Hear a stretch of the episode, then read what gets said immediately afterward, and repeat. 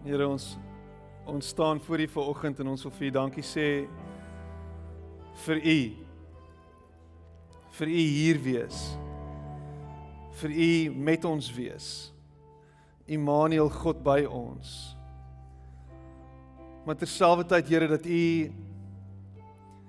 ons vooraf gegaan het in die dood U self gegee het sodat ons kan lewe Here sodat ons ver oggend voor U kan staan vlekkeloos, skoon gewas deur die bloed van die lam. Here, ons wil vir U dankie sê vir vir wat U vir ons gedoen het.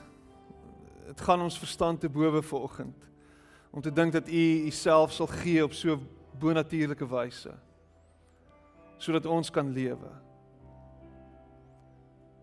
Here, ek wil vir U dankie sê daarvoor. Dankie dat U ons lief gehad het eerste lief gehad het.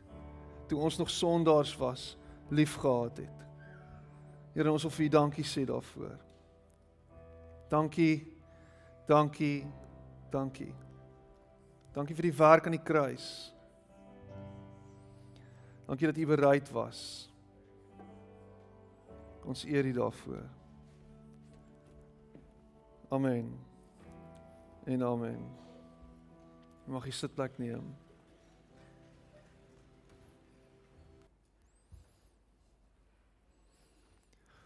Die gevaar wat ons loop op Goeie Vrydag is dat ons dit wat gebeur het aan die kruis reduseer tot een of ander teorie.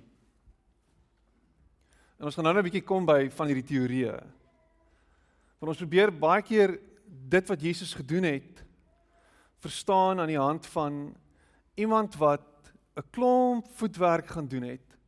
Ou geskrifte gaan oopmaak het die Hebreëus gaan lees het, die Grieks gaan lees het, konteks gaan ontleed het. En uiteindelik kom en sê Goeie Vrydag, dit wat Jesus aan die kruis gedoen het, is dit. Dis wat hy kom doen het. En hy verduidelik dit stap vir stap aan die hand van 'n klomp skrifgedeeltes van reg oor die Bybel. Hier vat daar los, hierso 'n profesie vat, hierso kyk, dis hier vooruit skouing. Dit is wat daar gebeur. Dis hoekom dit gebeur. En jy kry baie mense wat hierdie teorie dan nou tot die dood sal volg en sal luister daarna en dit sal beskerm met alles binne in hom. Wil glad nie afwyk daarvan nie. Dit is hoe dit is. Dis hoe die Here dit gedoen het. Dis hoekom die Here dit gedoen het. Dis asof dit hierdie groot geheim was. The secret die Da Vinci Code, een of ander kode wat ons moet gaan uitfigure. Ontsluit die Bybel en hier is die stappe wat jy moet volg om te verstaan wat Jesus gedoen het. Dis dis asof die woorde van van Piet Rowlands wat praat van die absurditeit van die kruis en van dit wat daar gebeur as ware waar word want ons moet ons moet hierdie absurditeit, hierdie ding, hierdie hierdie craziness aan die kruis moet ons ons moet dit kan verduidelik. Daar moet 'n rede daarvoor wees want ek meen hierdie is dis dis dis absurd. Hoekom sal iemand dit doen? Hoekom sal iemand willens en wetens gaan? Hoekom sal iemand na sy dood toe stap? Hoekom sal iemand homself nie probeer verduidelik nie? Hoekom sal iemand nie probeer om te kom en te sê, jy weet, dit is dit is nie die waarheid nie. Jy is besig om hier leuns te fabriseer. Hoekom nie? So ons moet dit probeer verstaan. En daarom kom ons met allerlei idees en allerlei goedjies op en daar's daar's byvoorbeeld die en ons omtrent 7, 7 verskillende en dalk nog meer en is heeltyd besig om te verander. Maar daar's daar's daar's die eerste die eerste teorie en een van die oudstes en dis Augustinus hier in 4 4 na Christus wat kom met hierdie idee dat daar hierdie morele beïnvloedingsteorie is waarmee hy opkom. Is hulle hulle noem dit in Engels the moral influence theory. So Jesus kom doen iets aan die kruis en as gevolg daarvan sien ons dat hy lief is vir ons en nou begin ons hom volg. En omdat hy dit gedoen het, wil ons in ons harte onsself voorneem om beter mense te word. So dis hoekom hy dit gedoen het. Dit is definitief dit. En dan dan is daar die die die die En dis dis baie soos die movie Ransom. maar die losprys teorie. Miskien het jy daai fliek gekyk. Daar's 'n losprys wat betaal moet word. En weer eens, dit is dis dis Augustinus wat sy oorspronklike teorie gevat het en dit bietjie aangepas het, maar daar's 'n prys wat moet betaal word sodat ons losgekoop kan word van sonde. En hierdie prys en daar's daar's daar's nou weer twee uitgangspunte daaroor word of betaal aan God die Vader of dit word betaal aan die duiwel. Maar so met die eeue heen het ons half begin dink daaraan, miskien is dit meer die duiwel. So ons ons die die die die duiwel moes betaal word sodat ons vry kon wees. Kyk, kan jy hoor hier's 'n teorie rondom dit. En dan is daar die die Christus Victor teorie wat sê dat Christus kom en aan aan die kruis vernietig hy die bose. Hy kom en hy vernietig dit wat lelik is en sleg is. Alles wat die wat die duiwel en sy trawante probeer doen word vernietig aan die kruis. Alles word geabsorbeer en dis verby. Dan is daar die bevredigings of die satisfactional theory, die bevredigingsteorie. God is regverdig en omdat hy regverdig is, kan hy nie sonde weer hy kan nie sonde aanvaar nie en daar's 'n balans wat moet reggestel word. So vir die enigste manier hoe dit kan gebeur is as iemand betaal. Weereens, dis klein variasie op 'n ander teorie. Iemand moet betaal. Regverdigheid sê daar moet 'n prys betaal word vir onregverdigheid. So daar moet 'n balans herstel word. Klink so 'n bietjie soos Star Wars. There must be balance in the universe. En dan die die die die die een waarin ons almal eintlik baie blootstelling het en wat ons almal die meeste van van die tyd aan vasklou is die strafvervangings teorie. Weereens 'n klein variasie, maar iemand moes die straf dra en Jesus kom en hy vat die straf op homself in plaas van ons. En miskien het jy dit al gehoor en miskien het iemand dit vir jou verduidelik. Dis wat die kruis beteken. Dis hoekom dit gebeur het. Dan is daar die regeringsteorie. So Jesus kom en hy sterf nie vir die wêreld nie, hy sterf vir die kerk. So die kerk is die wat gered word. Maar dan moet jy in die kerk wees, jy moet deel van die kerk wees, deel van die groter kerk. Dis waar jou redding lê. Die regeringsteorie en dan die laaste een is die sondebok teorie. Jesus is nie 'n offer nie, maar 'n slagoffer. Jesus word 'n slagoffer.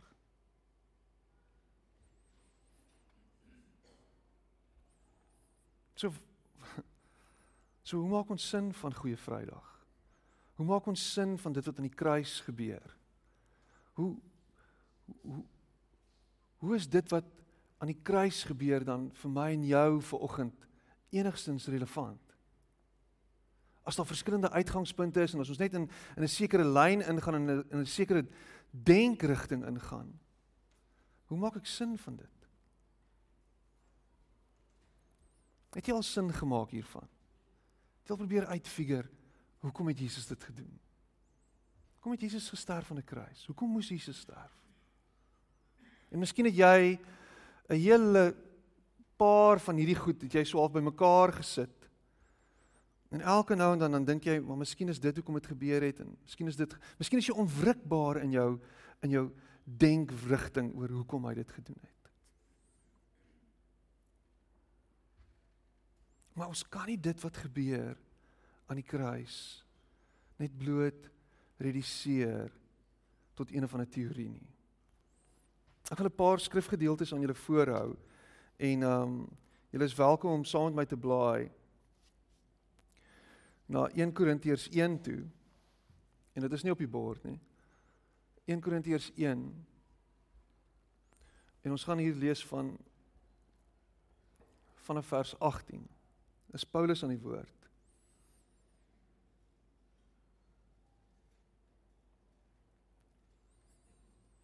Dat Jesus aan die kruis moes sterf klink wel so onwaar soos 'n vee verhaal vir die mense wat hulle nie aan God steur nie. Hulle is buitendien op pad hel toe. Maar ons wat God leer ken het en nou syne is, put soveel geestelike krag daaruit. God maak ons sterk deur die boodskap oor wat aan die kruis gebeur het. Daar is geskryf: God sal vir almal wys hoe verkeerd selfs die slimste mense is. Wat vir hulle so slim lyk, is eintlik maar baie dom. Gaan roep maar die mense wat sê hulle weet baie. Gaan kry die professore en waar is die mense met die met die gladde tong? Het God nie gewys dat al hierdie slimmighede wat mense kwyt raak eintlik maar baie dom is wanneer dit kom by dit wat regtig belangrik is nie? Mense met al hulle slimmighede het nie die vaagste benul waaroor dit gaan wanneer dit by die dinge van God kom nie. God het in sy wysheid besluit dat dit so sal wees. Mense dink dalk dat die kruis en en wat daar gebeur het nie sin maak nie. Dis egter die manier waarop God besluit het om mense uit hulle sonde na hom toe terug te bring. Ek pre, ek praat van mense wat God vertrou. Die Jode sou wonderlike bo menslike tekens verkies het en die Grieke sou liewer wou gehad het dat alles mooi uitgeredeneer kon word. Maar ons vertel vir almal dat Jesus wat gekruisig is, die manier is waarop God dinge tussen hom en sondaars regmaak. Die Jode weier botweg om dit te aanvaar en ander mense lag daaroor asof dit sommer 'n storie of 'n feeverhaal is. Onder hierdie klomp spottende pessimiste is daar tog 'n klompie wat God se stem gehoor het en luister. Hulle ken die waarheid. As jy Christus ken, ken jy die krag wat net God kan gee en verstaan jy al God se planne.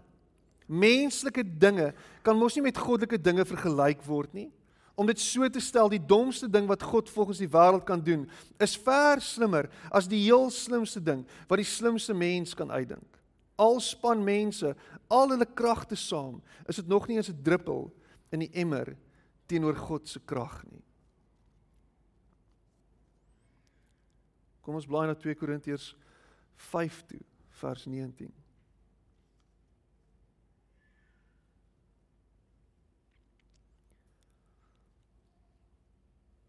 Deur Christus se sterwe het God vrede tussen hom en die wêreld kom maak omdat hy nie meer langer mense se sondes teen hulle hou nie. Dit is die goeie nuus wat ek nou oral bekend maak.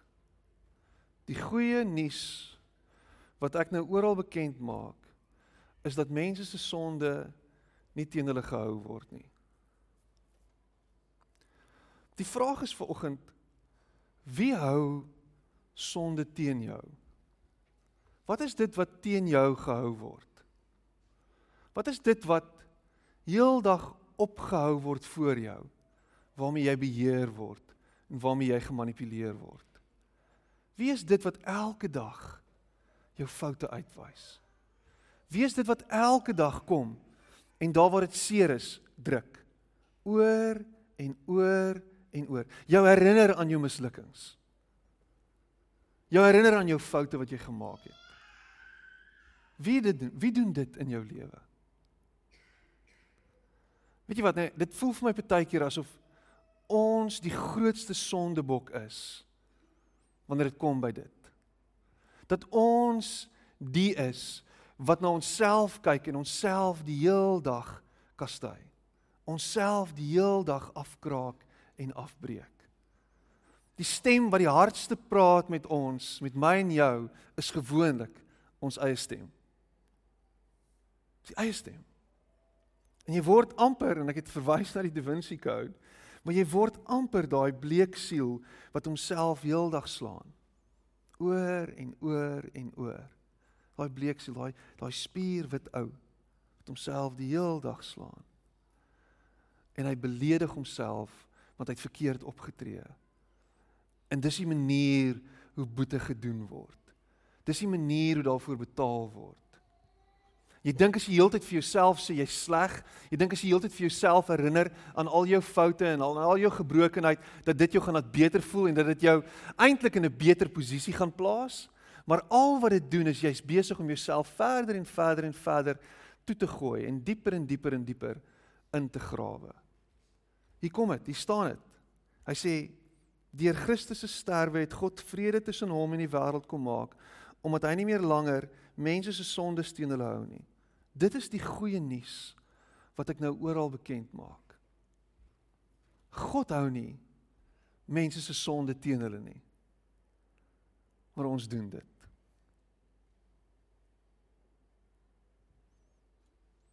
Miskien is jy die hardste stem wat met jouself praat, maar wanneer jy moeg raak vir dit dan verskuif jy jou fokus na die rondom jou, na ander. En jy wys vinger. Miskien is jy die een wat heeldag jou man herinner aan die foute wat hy gemaak het. Miskien is jy die een wat heeldag jou pa herinner aan die foute wat hy gemaak het. Miskien is jy die heel eendag die die die een wat heeldag na jou baas kyk en sê ek gaan jou nooit vergewe nie. Ek gaan jou gaan ek ondergrawe en ek gaan jou ondermyn en ek gaan jou ondergang bewerkstellig. Dit is, is so interessant want dit is dis hoe die wêreld werk. I've got a bone to pick with you. Ek gaan jou terugkry vir wat jy aan my gedoen het. Ek gaan op een of ander manier wanneer jy wanneer jy dit die minste verwag. 'n Maat. Jy gaan jou sien sonder 'n spieël. Ek gaan dit doen. En is dis dis dis dis is fascinerend die menslike siege en hoe ons operate. En dan skielik dan dan dan dan kyk ons terug na wat aan die kruis gebeur. En ons sien die die verskriklike beeld wat geskets word. En ek meen jy jy jy kan Passion of the Christ gaan gaan uitneem vanmiddag by die videowinkel. Hulle gaan oop wees. Die kans dat jy die fliek gaan kry is is dalk baie min want almal gaan hom wil uitneem. Dan gaan kyk jy hom en dan kyk jy die brutaliteit waarmee die Romeinse ryk mense wat teen hulle opgestaan het oorweldig het die die manier hoe hulle hulle verbrysel het. Ek het ek het 'n aangrypende boek gelees en ek gaan elke jaar tydens Paasfees daarna verwys totdat almal in die wêreld dit gelees het. Maar dit is Peer Peer die presiese boek Jesus ryk na midde in stof waar hy verduidelik hoe brutaal die Romeine omgegaan het met mense wat hulle vaslaan in 'n kruis. Sonder klere. Die verskriklike goeders wat hulle aan hulle gedoen het voordat hulle gekruisig is tydens die kruisiging hoe dit gelyk het hoe dit geryk het wat daar gebeur het dit is verskriklik.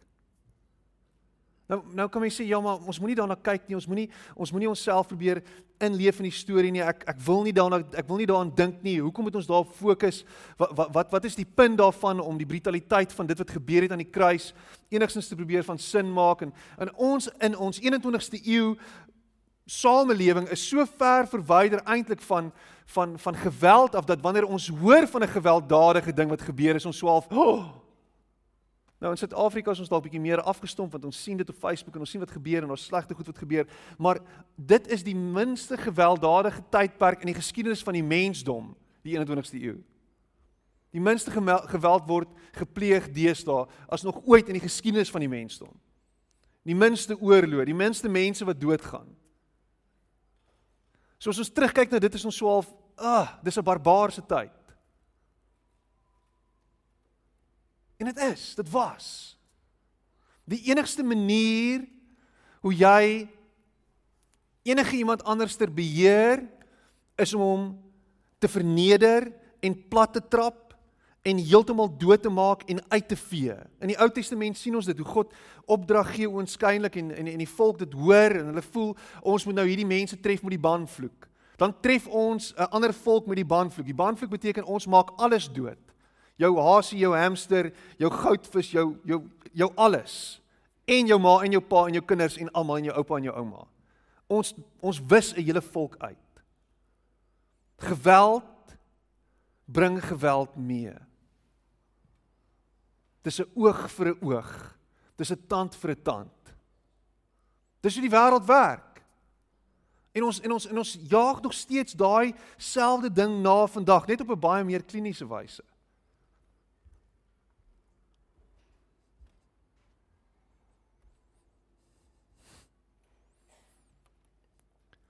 En dan die beste van alles is in dit en hoe Jesus besig is om te sterf en wat met hom gebeur. Hy hang tussen twee oproeriges, oproermaker, oproerstokers. Engels is insurrectionists. Hy hang tussen twee van hulle. Aan die kruis. En die een draai na hom toe en roep hom genade en Jesus gee hom en bewys aan hom genade. En dan net voordat Jesus doodgaan. In daai tyd terwyl alles aangaan is die woorde wat hy uiter nie woorde van tref hulle met die banvloek nie. Nie woorde wat sê kom en tref hulle met alles wat u het uit die hemel uit nie. Nie stuur die engele en kom doen iets aan hulle nie. Dis Vader vergeef hulle want hulle weet nie wat hulle doen nie. Vergeef hulle want hulle weet nie wat hulle doen nie.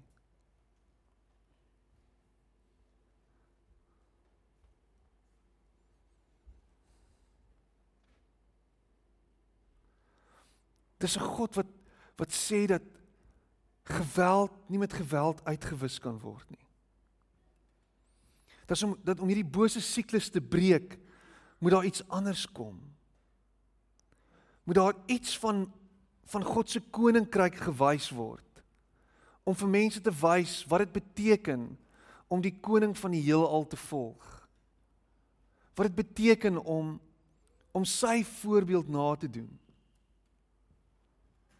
En dis wat hy doen wanneer hy aan die kruis sterf. Hy nooi ons uit om saam met hom te kom. Om deel te wees van dit wat hy doen. Hy wys vir ons as ware hoe dit hoe dit hoe dit hoe dit lyk om te lewe. En in effek hoe om te sterwe.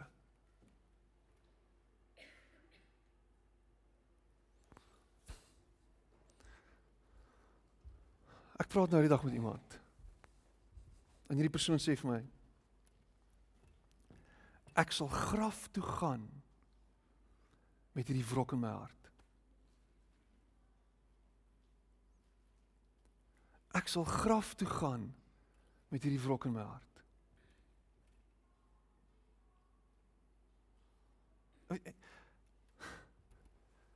Ek is so ek is stom geslaan.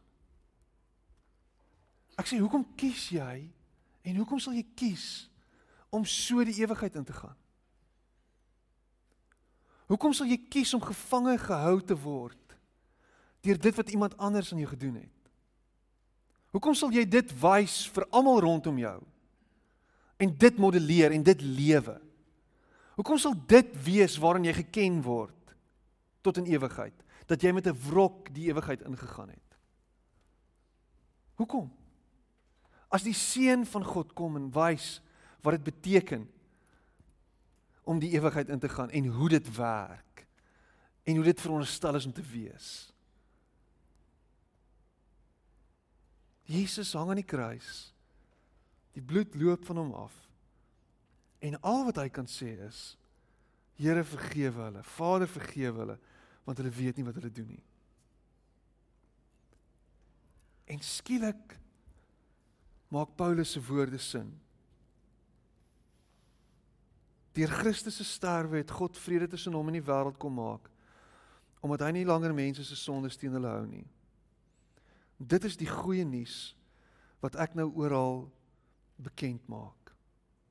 Dit is die goeie nuus wat ek nou oral bekend maak.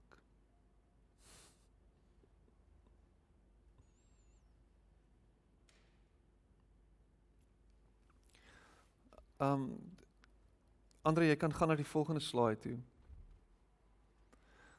Is Brian Zand wat wat probeer woorde gee aan dit wat gebeur op Goeie Vrydag. Hy sê on Good Friday all the disparate sins of the world amalgamate into the sin of the world. Whether flowing forward in time or backward in time, every human sin, every act of selfishness, every debasing